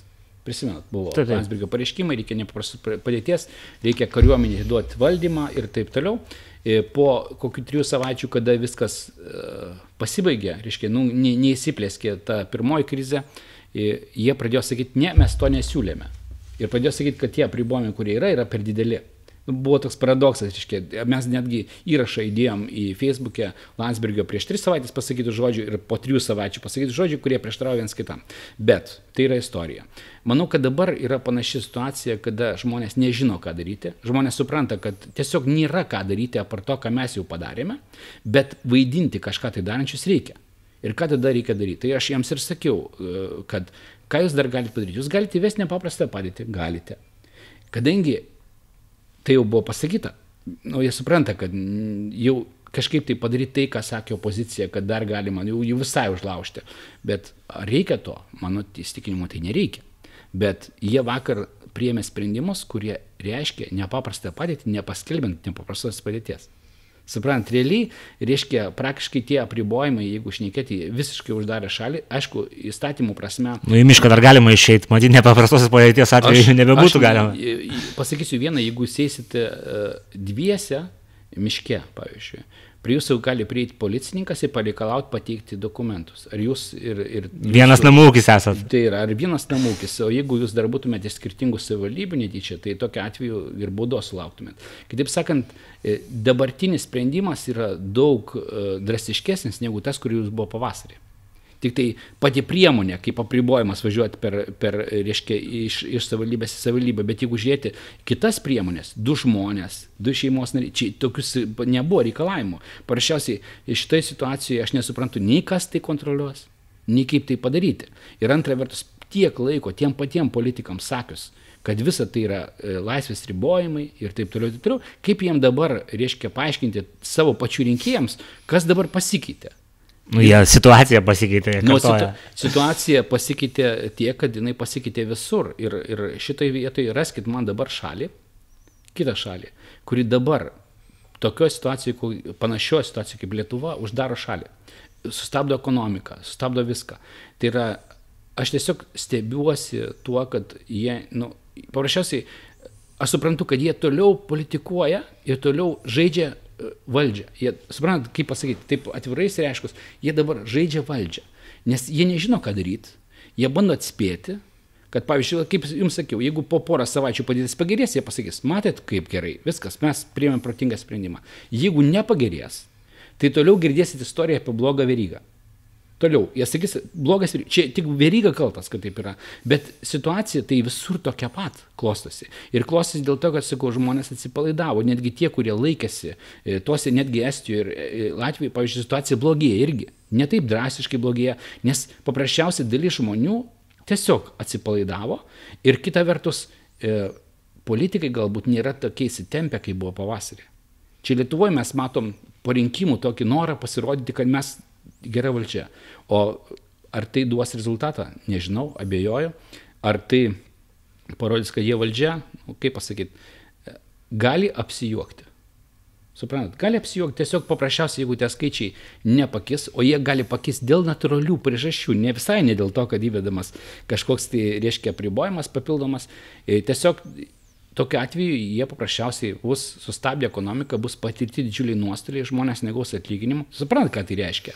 Ir šitai vietai problemos jos bus dar didesnės iš, to, iš tų pasiekmių, negu iš to, ką jie, ką jie iš tikrųjų bus e, pasiekę. Nes jeigu mes gruodžio pabaigoje, sausio pradžioje turėsime, pavyzdžiui, 2000 sergančių, tai praktiškai jie bus apsijokę. Tik tai bus padarę žiauriai daug nuostolių Lietuvo žmonėms. Bet rezultatų tai bus nedavę ir aš teigiu, kad tai negali duoti. Kitaip sakant, tuos priemonės, kurios jau buvo priimtos būsios vyriausybės, jų laikantis nuosekliai būtų davę rezultatą. Dalis visuomenės jų tiesiog nesilaiko. Ar tai, kad mes uždarysime dabar sienas tarp rajonų, reiškia, ar tai privers žmonės laikytis tvarkos? Ne, neprivers. Ar reikėjo, pavyzdžiui, galbūt, vat, pavyzdžiui, reikėjo gal čia, va sakykim, būtų priimtas vakar sprendimas uždaryti mokyklas ir pradinės klases ir darželius uždaryti. Nu, sakykime, bet čia galiu dar paaiškinti kaip nors, kad galbūt tai yra problema. Bet e, tada turėtų paaiškinti kas nors, o kaip žydiniai plinta. Ir kiek aš žinau, kiek domėjausi, per darželius nelabai plinta. Negaliu to paaiškinti, nesu medikas. Bet kiek žinau, per darželius jie veikia daugelį šalių. Latvijoje veikia ir kitur veikia darželiai. Ir ten neplinta. Tai reiškia, darželiai nėra priežastis, bet jie čia irgi uždaryti. Kitaip sakant, mes pradėjom daryti kažką tai dėl to, kad susirinko žmonės vakar, vyriausybė ir sugalvojo, kaip dabar vat, pabandyti atspėti, kaip bus geriau. Nu, suvaidinsim sprendimus, logikos jų nelabai aiškios tos tų sprendimų, bet jeigu taip suveiks, nu, suveiks ne tai aišku, o kažkas tai, kas buvo priimta prieš tai, tada mes sakysim, kokia mes puikiai valdžia. Nesuveiks, sakysim, kokie prasti valstiečiai. Nu, čia yra aišku, čia yra ta pati demagogija, ta pati propaganda, kuri buvo. Tik tai man ypatingai gaila, kad žmonės nepersijungia nuo propagandos į tai, kad jie jau valdžia. Nes atsakomybė reikia nešti. Tai yra, e, kada pradeda sakyti, kad valdžia nepaliko pinigų nėra pinigų įsigyti e, tiems, reiškia, e, skiepams, nėra pinigų padėti ekonomikai. Tai aš, mėlyjeji, ir žmonėms galiu tai pasakyti, ir tiems, kurie valdžioje pasakyti, pirmiausiai tiems, kurie valdžioje jūs esat niekšai taip šnekėdami, o žmonėms galiu pasakyti, niekas tų pinigų biudžete ir numatyti negalėjo. Nes neaišku, nei kiek reiks tų, reiškia, pirmiausiai, Ar bus tos vakcinos ar ne, tada, kada projektavo biudžetą, nežinojo. Kiek reiks ir kada reiks pinigų, taip pat yra nežinoma. Trečia vertus, niekas negalvojo šitų pinigų, tai yra šitų skiepų pirkti iš biudžeto pinigų. Jie bus perkami iš kreditų. Ir tai yra atsakymas, ką specialiai e, e, Šimonytė e, meluoja žmonėms, sakydama, kad pinigų nėra. Tai jų ir nėra čia biudžete, jų negalėjo būti, jie ne čia yra. Kita vertus, pagalba verslui jeigu dabar sustoja viskas, vėlgi negali, negalėjo būti biudžete, nes niekas negalėjo prognozuoti, kad reiks tos paramos. Kas galėjo prognozuoti vasarą, pavyzdžiui, kad rudenį bus taip, kaip yra dabar? Nu, pro, prognozuoti hipotetiškai matyt galėjo. Bet ne, tam yra kreditai, vėlgi primenu, tam yra ES pinigai, tam yra kreditai, jie, jie yra netgi su ministrinėm palūkonom dabar. Reiškia, jokių apribojimų e, nėra fiskalinės drausmės, kokie buvo anksčiau Lietuvai. Tai yra, mes turim tą resursą ir iš to pačio resurso juk ir pavasarį sprendė, nieko, juk nebuvo 19 metų biudžete pinigų, kurie buvo išmokėti 20 metais dėl koronaviruso. Čia tiesa, ar ne? Taip, taip, faktas. Tai mes čia prieinam prie viešųjų ryšių. Taip, aš noriu pasakyti, jie meluoja. Jie meluoja specialiai, meluoja sistemiškai, reiškia, kaltina būsę valdžią tuo, ko jie kaltinti tiesiog negali. Nu, jeigu būtų sąžininkai, nors truputį, bet sąžinės, matyt, kad e, pas juos nebuvo ir nėra, dėl to, kad e, paprasčiausiai tokius dalykus kaip gazdinti visuomenį, čiagi gazdinimas visuomenės, pinigų vakcinoms nėra. tai yra melas, bjaurus, e, reiškia, toks iškreiptas netgi, nes jisai tikrai išgazina žmogų. Įsivaizduokit, žmogus tikisi pagalbos, jam pažadėjo valstybė, kad bus nemokamos vakcinos ir staiga pasako tą šeimonytę, kad, kad pinigų tam nėra. Yra pinigai, jie numatyti, yra pinigai iš kritinių resursų. Tam yra aiškiai suplanuota, niekas jų biudžetą ne, neturėjo rašyti ir nebūtų įrašęs. Tas nebuvo planuota daryti. Ta pasakė premjeras, premjerą pratransliavo vieną radijas, vieną radijos stotis ar ten e, kažkur tai užrašė trum, mažom raidėm ir tai kaip ir nuskandinta. O valdžia visais savo kanalais transliuoja naujoji valdžia, kad matote, pinigai nėra palikti šitam ir nėra pinigų ir visa kita. Meluoja. Tai, bet šitoje vietoje vis tiek užakcentuokim, tasme, viešiai ryšiai, kurios e, naudoja, tasme, dabartinė valdančioji koalicija, čia nėra jokia naujiena, visos e, valdžios, e, tasme, ir visi politiniai visos politinės grupės kovoja dėl, dėl, dėl, dėl, ryšiai, dėl vietos pasaulyje. Viešiai ryšiai ir propaganda melų paremta yra truputį skirtingi dalykai. Viešiai ryšiai tai kada tu uh, iš tikrųjų stengiasi informuoti visuomenę apie kažką. Tai, tai yra viešiai ryšiai. Tai yra per kokias žiniasklaidos priemonės, kokiais kanalais ir taip toliau transliuoja žinią. O kada tiesiog meluoja, kaip čia pavadinti viešais ryšiais, čia yra propaganda. Čia yra ne viešiai ryšiai, čia yra propaganda. Ramūnai, aš šitoje vietoje turiu paklausti klausimą. Vat e, yra vienas leidinys, kuris uh, man kaip ne fanui, tasme, konservatorių, bet vis tiek jisai irgi, vat, sakyčiau, irgi yra tam tikros, manau, perspaudimo. Klausimas, kiek, čia jau kitas, bet Na tai ar galima sakyti, kad valstiečiai niekada nenaudojo va, tokios formos viešųjų ryšių, kaip, kaip dabar naudoja dabartinė koalicija? Tarkim, jeigu kalba eina apie neliečiamosius. Jo, jūs tikriausiai turite neliečiamosius žurnalą. Tai aš pasakysiu paprastai. E, mes šitą informaciją, kuri sudėta į žurnalą neliečiamieji, skelbėme praktiškai tris praėjusius metus skelbėme Facebook'ose, skelbėm e, visom nuomonėm. Lygiai lygi taip pat ir konservatoriai apie jūs jau keturis metus skleidžia. Pa, aš pabaigsiu mintį. Ir reiškia, niekas niekada dėl to mūsų nekaltino, kad mes teikiam neteisingą informaciją. Visi faktai, kurie ten yra pateikti, yra patikrinti, jie yra paremti viešais šaltiniais ir aš atsakau už kiekvieną žodį, kuris ten yra. Tai yra, mes kaltinam žmonės, užsieminius korupciją, pavogus milijardus eurų pinigų ir niekas mums dėl to pretenzijų nereiškia. Bet mes niekada nemelavom žmonėms, kad, pavyzdžiui, biudžete e, konservatoriai arba ten socialdemokratai 16 metais, kada nebuvo palikę kažkam tai pinigų. Nes tai jau yra melas. Mes galime įrodyti, kad tai yra melas. O šitoj vietoj, paprasčiausiai, mums niekas nesako, niekas nesako kad neliečiamasis yra nors žodelis melo. Nu, matyt, tie, kurie yra vadinamieji neliečiamasis, tai sako šitą. Ne, jie nesako. Jeigu sakytų, ten yra kaltinimai. Jeigu, kaip žmogus turėtų reaguoti kaltinimus, jis turėtų paduoti į teismą. Taip? Nu, vienas iš loginių variantų. Klausimas yra, niekas niekada negrasino teismu ir nepadavė teismą, nes ten viskas yra tiesa. Tai yra kai kurie tyrimai paremti Seime daryti, Seimo komisijų patvirtinti, kai kurie iš tų tyrimų. Kai kurie tyrimai atlikti mūsų, kur mums neužteko balsų e, Seime pasitvirtinti tuos sprendimus, bet tai yra ne, ne vaikų žaidimas, mes e, kažkokiais tai kaltinimais, kurie neturi faktų, kur, kur mes negalim pagrysti dokumentais ir pirmiau mes jų netiktumėm. Kada aš nekam apie propagandą, kada yra meluojama, Tai čia nelyginami dalykai. Jeigu ten yra nors žiedelis propagandos neličiamuosiuose, tai aš labai tikiuosi, kad žmonėms užteks drąsos, tiems, kurie ten paminėti, paduoti mus į teismą.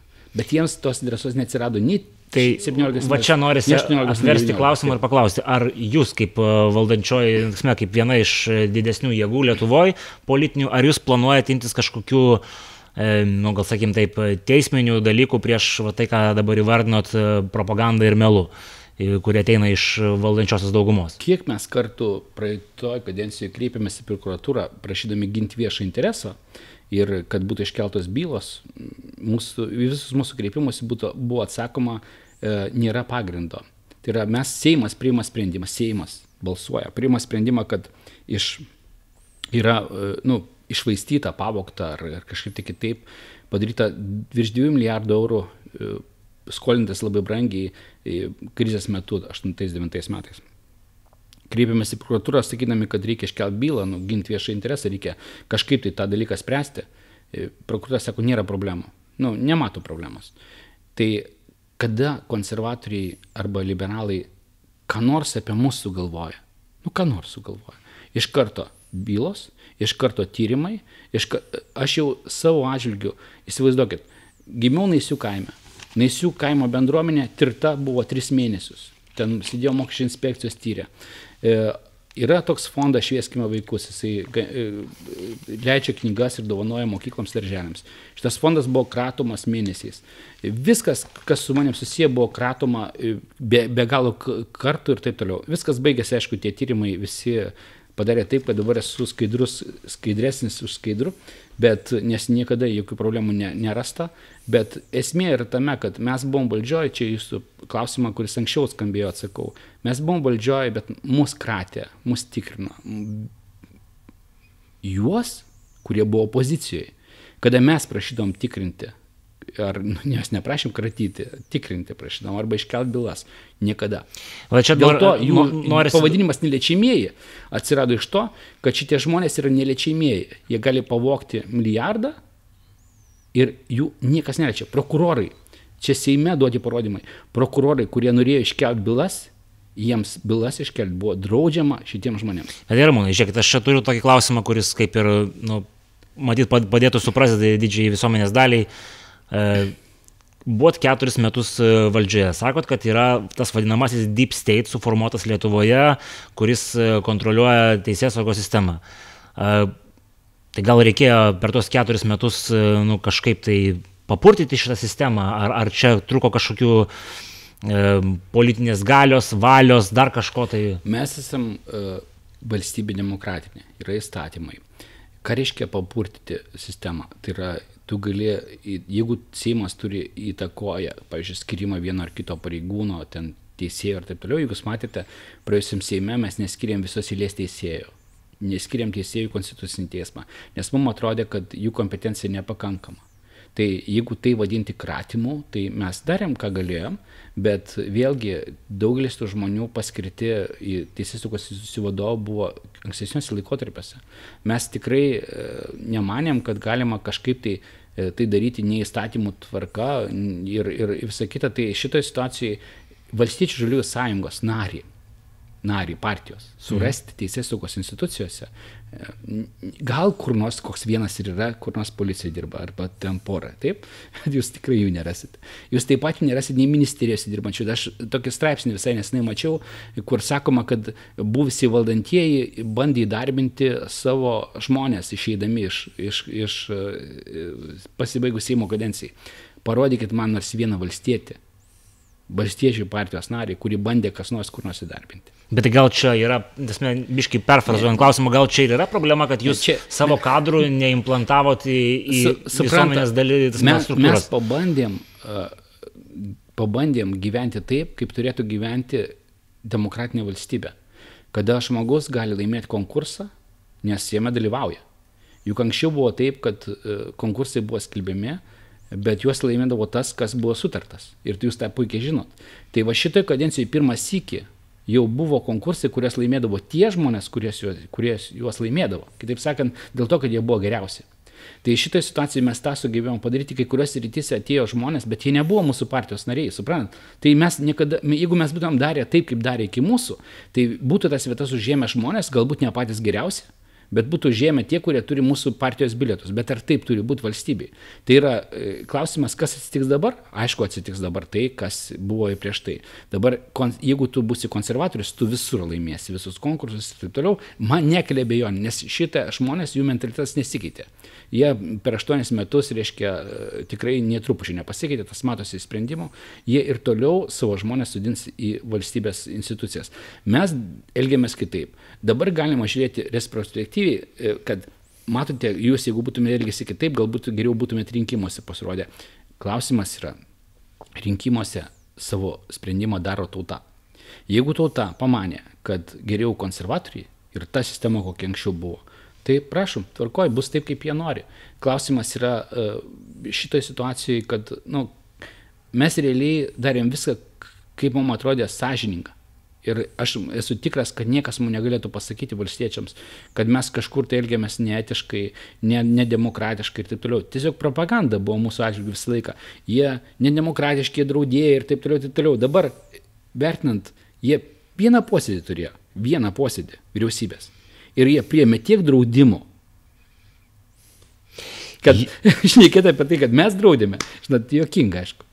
Nenumatytos kalbos apie draudimus. E kaip jau minėjau, nu, buvo tam tikrų draudimų priimta ir jūsų valdymo laikotarpiu. Klausimas yra, tai, matyti, tai bet, vertinti bet, priežastis ir pasiekmes ir kodėl tai buvo tai daroma. Tai, klausimas yra, jeigu šnekėte apie tai, kas buvo propagandoje vadinama draudimais. Nes paklausė žmonių, pat jūsų žiūrovai, daug atsako savo klausimą kokius draudimus priėmė Valstybės žaliųjų sąjunga arba ta, part, ta, ta būsi valdančių dauguma. Ir daugelis žmonių, ką sakys, nu jo, nu jie gal reklamą alkoholio uždraudė. Rūkimą balkonę. E, bet čia gerai, balkonė rūkimą, bet čia irgi gal nėra taip blogai. Kitaip sakant, nerasi tų blogų draudimų, nes jų nebuvo. O dabar mes turime, sakau, per vieną posėdį vyriausybės draudimus, kurie aiškiai labai e, pakenks Lietuvos ekonomikai ir Lietuvos žmonėms. Nu, tai faktas. Gerai, tai dar dabar keletą klausimų duosiu iš mūsų klausytojų ir žiūrovų. Tai vienas iš tokių motyvų, kuris e, kartojasi per klausimus, tai Matyt, visi supranta, kad jūs tiek valstiečių tasme, sąjungoje, tiek e, viso pačioje koalicijoje, žodžiu, atlikot kažkokį, nu, turėjot balsą, bet e, klausia, kodėl Ramūnas nėjo į kažkokią rimtesnę poziciją, būdamas valdžioje. Tai gal pabandykit nušviesti šitą. Tai galiu atsakyti, ta pati priežastis, dėl ko Landsbergis neėjo Gabrielius į kitą poziciją, jis galėjo būti, pavyzdžiui, ten, sakykim, Seimo visi pirmininku, bet jis neėjo į tą poziciją.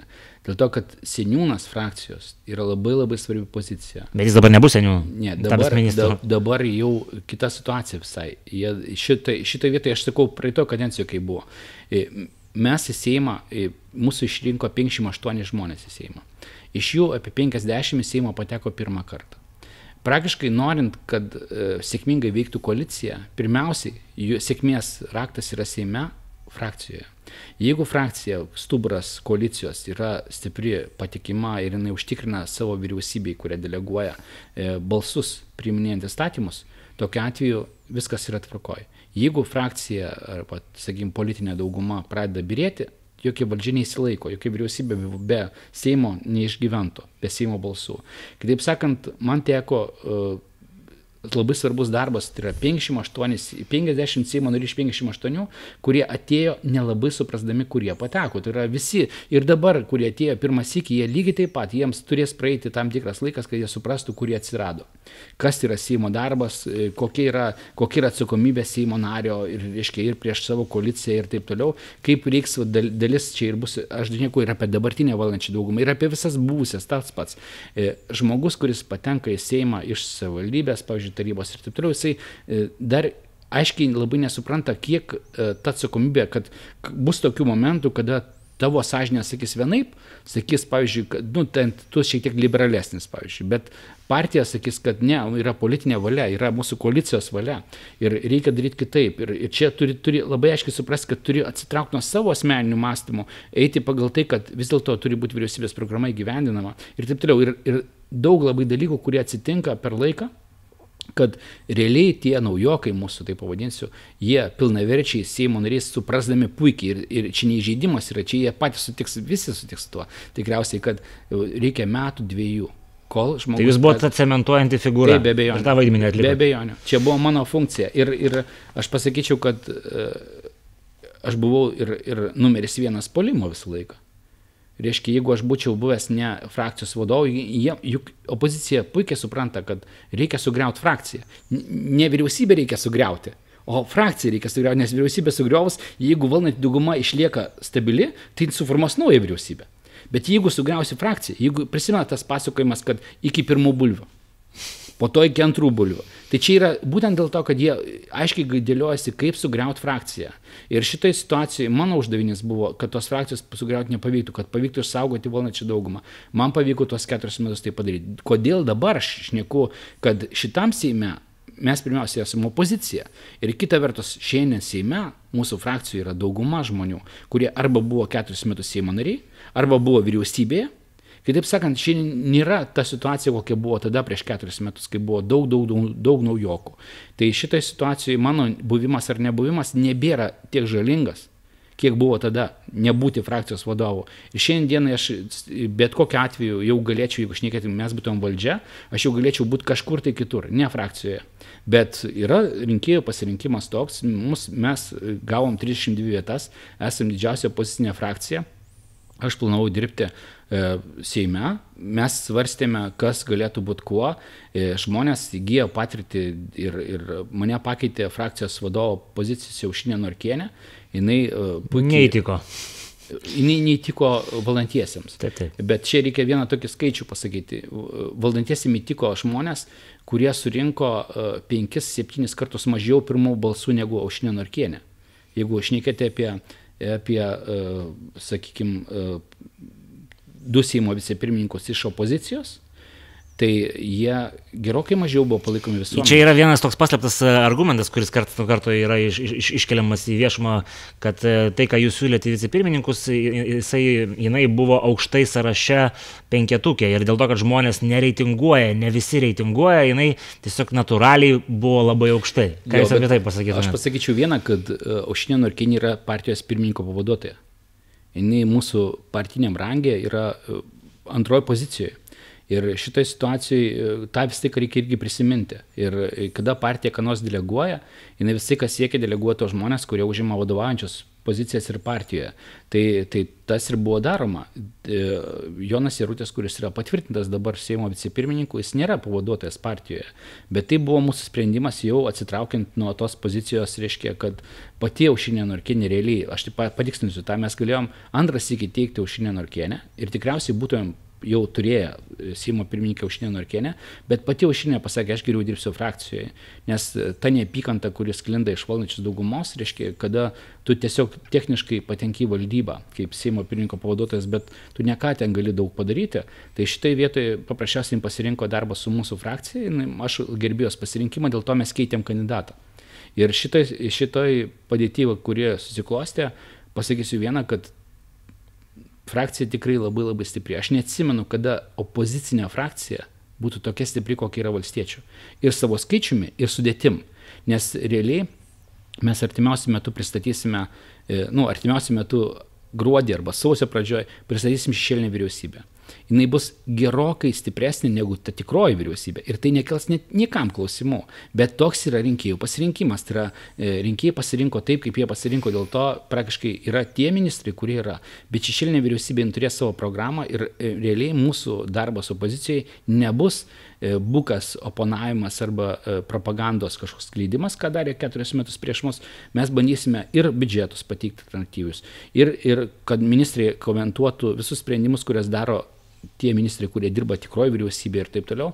E, šitoje situacijoje, aišku, bus labai įdomus darbas, aš labai tikiuosi iš mano kolegų, kurie bus šešėliniai vyriausybė, kad jie pirmas iki Lietuvos istorijoje parodys, kaip turi dirbti šešėlinė vyriausybė, nes tokį niekada nebuvo. Čia reikia vieną dalyką pastebėti, kai kurie Facebook'o komentatoriai, ten, kurie palaiko valdančią daugumą, kalba, kad alternatyvi realybė, alternatyvi tikrovė ir šešėlinė vyriausybė, bet normaliam parlamentarizme tai šešėlinė vyriausybė yra normalus dalykas. Tasme, ir keista, kad net e, tai yra kvestionuojama. Ne, tai dėl to, kad to niekada nebuvo. Taip. Niekada nei viena opozicinė partija arba. Nu, galbūt pakank... buvo ten praeitam dešimtmetį tasme. Bet tai niekada nėra turėjusi jokios programos šešėlinė vyriausybė. Tai yra, jeigu buvo e, sakoma, kad yra šešėlinė vyriausybė, niekada jokia šešėlinė vyriausybė, kuri galbūt kažkada tai yra bus, neturėjo programos. Tada jinai nebuvo pilna vertė. Nes šešėlinė vyriausybė pagal Seimo statutą turi turėti programą. Tai programa mūsų yra ruošiama, šešėlinės vyriausybės. Mums daug pastangų dėti nereikia, nes mes buvom valdžioj, reiškia, ir, ir ta programa, aišku, bus E, geresnį negu dabartinės valdančios daugumos, bet... Nu, čia jau žmonės įvertins. Taip, be abejonė. Ne, žmonės įvertins, aišku, e, manau, kad per tuos keturis metus, jeigu ta valdžia įsilaikys tuos keturis metus, įvertins labai daug dalykų, nes iš tikrųjų e, išlaikyti standartą valdžios tokiam aukštėje, kokiam išlaikė mūsų valdžia, kada Lietuva de facto yra pirmoji vietoje pagal ekonominę situaciją ES, buvo, nebent iki šitų sprendimų, mes buvom su mažiausiu nuospanku ekonomikos visoje ES, numeris vienas. Tai yra didžiulis pasiekimas šito laikotarpiu, bet dabartinis vat, sprendimas sustabdyti viską ir ekonomiką taip pat, jisai gali reikšti, kad mes nusirisime, aišku, iš pirmos vietos žemyn ir tai reikš, kad e, visas mūsų ekonominis gyvenimas, žmonių gerovė su pablogės. Nors, kaip sakiau, mes buvom pas mus buvo prognozuojamas pagal ES komisiją 2 procentai e, ekonomikos smukimas, visų kitų ES šalių didesnis smukimas. Tai šitai situacijai, aišku, viena, kad tai yra, aišku, pirmiausia, verslo, Lietuvo žmonių, bet tame tarpe ir valdžios sprendimo dėka. Negalima pasakyti, kad valdžia čia nieko dėta, nes vat, vakarykštis sprendimas gali padaryti taip, kad Lietuva atsidurs 8 vietoje, 12 vietoje ir 9. Jo, tai tas tikrai taip mes matyt suprantam, kad valdžia turi įtaką ekonomikai.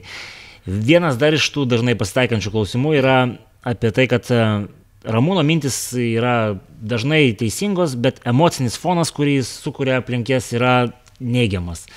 Kaip čia taip yra, kad tas emocinis fonas e, iš jūsų pusės būna toks e, nekoks? Aš nežinau, ką jūs turit galvoje. Ir jeigu šnekėtumėte... Nu, čia kalba matyti apie tos pačius neliečiamuosius, apie konfrontaciją su Gabrieliu Landsbergiu ir panašiai. Mes niekada, nei 16 metais, kas atsitiko 16 metais po rinkimų? E, pirmą dieną praktiškai po rinkimo aš buvau apkaltintas, kad aš esu KGB agentas. Taip, nu, atsimenu tokią istoriją. Ir taip toliau. Kas aš pats sukūriau šitai? Ne, aš nesukūriau. Tai buvo sukurta konservatorių tam, kad paaiškinti savo rinkėjams, kodėl jie nenori eiti koaliciją su valstiečiais po tų rinkimų.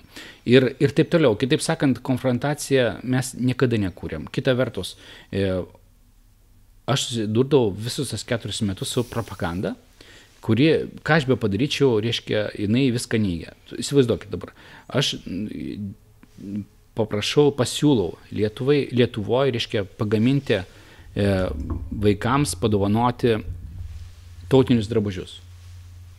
Tiesiog. Buvo 17 metai, aš sugalvojau, kad reiktų padovanoti visiems vaikams tautinius drabužius. Ką su tuo padarė propaganda?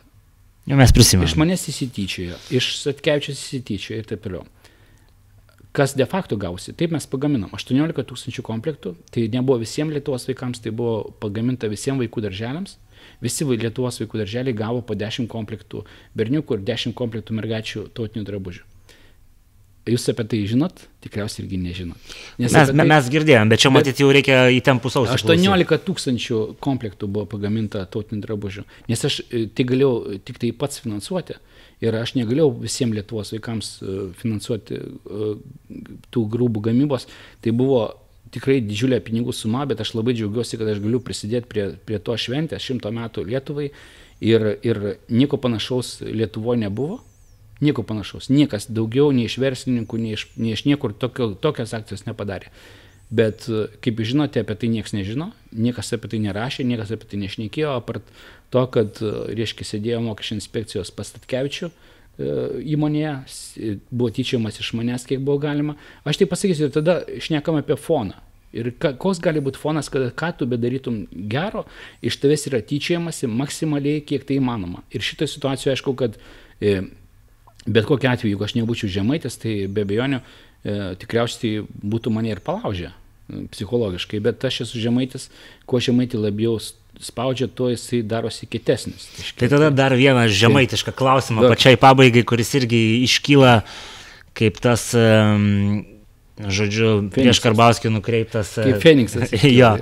Tai apie smulkių žemdirbių nuvarimą nuo žemės. E, ką vat galit pakomentuoti šitoj tematikoje? Jo, Trumpai. Man, jo, aš pasakysiu vieną dalyką, kad e, jeigu kas nors smulkiuosius žemdirbius nuo žemės nuvarė arba nuvaro, tai tik tai e, sprendimai, kurie buvo padaryti anksčiau ar vėliau politikų, bet Karbauskis šiandien neturi nieko bendro. Bet kryžiai atsirado prie jūsų valdymo. Kryžiai ne mums, primenu. Kryžiai buvo prezidentui. Ir prezidentas nežinau, ar tą pat suprato ar nesuprato, bet po jo siūlymų prezidento, kad reikia sumažinti išmokas e, dizelinui spalvotam, nu, ta prasme, tam žemdirbiams, tada atsirado kryžiai. Mes, mes to sprendimo nepriėmėm ir atitinkamai Seime mes tam sprendimu pasipriešinom, dėl to kryžiai atsirado prezidentui ir tai jam reikia perduoti, kad visi kryžiai, kurie stovi žali, tie vadinami tai prezidento nevaldžiai. Jeigu šnekėte apie smulkius ūkininkus, dar įsikį grįšiu. Smulkus ūkininkai niekada Karbauskiui netrukdė, Jie paprasčiausiai gyvena, aš niekada, nei su vienu ūkininku, aš niekada, būdamas ūkininku, nei su vienu ūkininku nesipykau. Čia, žinot, ten tas uh, trašos paskolos po to žemės nusavinimas, va tas ne, motyvas. Čia, čia, yra, čia iš viso iš piršto traukta. Jūs suprantat, kad jeigu visą tai būtų turėję nors kokį nors pagrindą, tie visi, nežinau kaip tai pavadinti, net, čia yra visiškas nesąmonės. Tai tokia atveju bet koks verslas, čia nesneikia apie kur koncerną šnykia, čia bet koks verslas išžlugtų. Jeigu jisai atiminėtų žemės, koks būtų įvaizdis. Aš tik galiu pasakyti vieną, agrokoncernas per tuos keturis metus, kol aš buvau valnučiai koalicijoje, kada ant manęs pylė šitą visą purvą, jisai augo toliau. O kaip gali aukti įmonė, kuri nuvarinė nuo žemės, kurie baudinėja ką nors, jinai negali aukti. Tai čia yra elementus dėsnis. Jinai paprasčiausiai, aš galiu pasakyti de facto, kad daugybė ūkininkų yra išgelbėti nuo bankrotų, būtent agrokoncerno pagalba, o ne atvirkščiai. Reiškia, dėl to, kad paprasčiausiai e, tu negali norėti ir negali įsivaizduoti ir negali apriepti visko, kas yra Lietuvoje. Tu džiaugiasi tuo, kad yra kažkokie tai partneriai, yra žmonės kaimynai tavo, kurie dirba žemę, kuriems sekasi. Kuo geriau žmonės gyvena, tuo geriau tu gyveni. Ir jeigu kas nors mano, kad uh, turėtų būti kitaip, tai man gaila tų žmonių. Nes uh, bet kokiu atveju tu gyveni tarp žmonių. Ir vat vienas dalykas, ko, ko uh, aš niekada neturėjau priešų, niekada neturėjau priešų apart, jeigu neskaičiuot priešais. Politikų. Politikų. Jeigu taip nevadinti. Nes aš niekada iš nieko, niekam nesu blogo padaręs. Ir, ir aš tą galiu pasakyti atvirai ir aiškiai, kad, kad galiu pasakyti, kad nėra to ūkininko, kuris, kuris buvo nuvarytas nuo žemės. Dėl to, kad jis buvo nuvarytas nuo žemės, dėl to, kad aš man reikėjo tos žemės arba aš norėjau jos. Jeigu kuris nors ūkininkas e, paseno, neatsirado palikonių ir niekas nenorėjo toliau ūkininkauti, tas ūkininkas pardavinėjo žemę, Galbūt kažkas tai iš tų ūkių, kurie dirba, e, reiškia, jie nusipirko iš, iš su manim susijusių ūkių, bet tai tik tokiu atveju. Jeigu šnekėti apie tai, kad tų žemės arba tų ūkių yra nemažai, tai daugelis jų yra bankrutavę. Žemės ūkio, bankrutavusi žemės ūkio bendrovės, kur klausimas yra vienas, kad ten nebuvo ūkininkų žemės, ten buvo bankrutuojančių, kur išgelbėjom šimtus darbo vietų kur, e, pavyzdžiui, Anikščių rajone bankrutavo vienintelis dvi žemės ūkio bendrovės, jos buvo įsigytos, jos šiandien yra labai stiprios įmonės, jos dirba šimtai žmonių, žmonės gauna didžiulius atlyginimus palyginus pagal kaimo vietovę. Ir šitai situacijai e, primilžiai visą kitą pakilo ir visą kitą. Tai yra, kas šį, tame yra blogo. Tai yra, e, Anikščių rajone agrokoncernas, jeigu aš neklysiu, tapo vienu iš didžiausių darbdavių. Vietoj to prieš septynis ar kiek tai metus buvo bankrutuojančios bendrovės kurios praktiškai būtų gyvuliai iš fermų išvesti, žmonės be darbo ir taip toliau. Tai vat Šito niekas nesako, apie tai niekas nešneka. O apie kokius smulkius ūkininkus niekada gyvenime nepadariau nieko, kad koks nors ūkininkas mažas ar didesnis e, prarastų kažką tai. Jeigu kažkoks tai, pavyzdžiui, ūkininkas įsigyja kažkokias tai priekes iš agrokoncerno, pavyzdžiui, ir, sakykime, nebesumoka ar kažką tai, tai agrokoncernas yra ta įmonė, kuri nepadavinėja į teismus, o kuri padeda tam ūkininkui tą problemą įsispręsti. Tai yra, mes man pačiam buvo netikėta, kai 16 metais man tos nesąmonės pradėjo kaltinimus tokius skleisti, nebuvo nei vieno atveju per 20 metų, kada agrokoncernas būtų ūkininką padavęs į teismą. Buvo atveju, kada daug ūkininkas skolingas labai daugam ir yra ten, ten 10 ieškovų, ar ten 15, 20, ar ten 100 ieškovų, kurie jie, tai tarp jų galbūt yra agrokoncernas, kur nors kokioje nors byloje, bet kad pats agrokoncernas inicijuotų, to nėra buvę. Nes principai ne tie, mes patys ūkininkai. Mes patys gyvenam tarp tų žmonių. Čia tik tai žmogus, kuris gyvena mieste, reiškia, e, uždirbinėja pinigus, sakykime, iš švietimo, e, tai kurdamas kažkokias privačias e, ten mokyklas ar darželius, reiškia, kur, kuriam dar miestas duoda pinigų, reiškia, kad jis juos išlaikytų, tai galbūt jam atrodo, kad galima ateiti ir apvokti savo kaimyną. Jam galbūt taip atrodo, jisai galbūt tai padarytų, bet jisai masto savo sugėdimo lygyje. Reiškia, kaime žmonės yra truputį kitokie ir žemės ūkis e, yra stiprus tuo, kad jis yra kitoks. Mes galim, va, ūkininkas gali kitam ūkininkui kažką tai paskolinti ir po to atsiimti. O mieste galbūt būtų sunkiau. Na, aš manau, mes į šitą klausimą atsakėm, tai Aišku, būtų su Ramūnu galima kalbą tęsti ir dar, bet aš manau, kad mes artėjom prie valandos su pusė ir baigia išsikrausti mūsų baterijos. Tai matyt, šiam kartui darom pauzę, pratesim kitas nemalonės žemaitiškas temas kitą kartą. Tai dėkui Ramūnai, kad skiriat laiko ir tikrai, manau, buvo šiek tiek praskleistas šydas į tai, kaip jūs žiūrite kai kurias tiek jūsų pačių padarytas ar nepadarytas veiklas, tiek tai, ką dabar daro naujoji valdančioji dauguma. Tai Dėkui visiems, kurie, kurie ištvėrėt. Primenu, kad mes turim Patreoną, turim iš ankstinę narystę ir e, nepamirškit mūsų ir YouTube bei Facebook'e ir manau, mes tada džiuginsim jūs ir toliau. Tai tiek ir iki kitų kartų. Dėkui.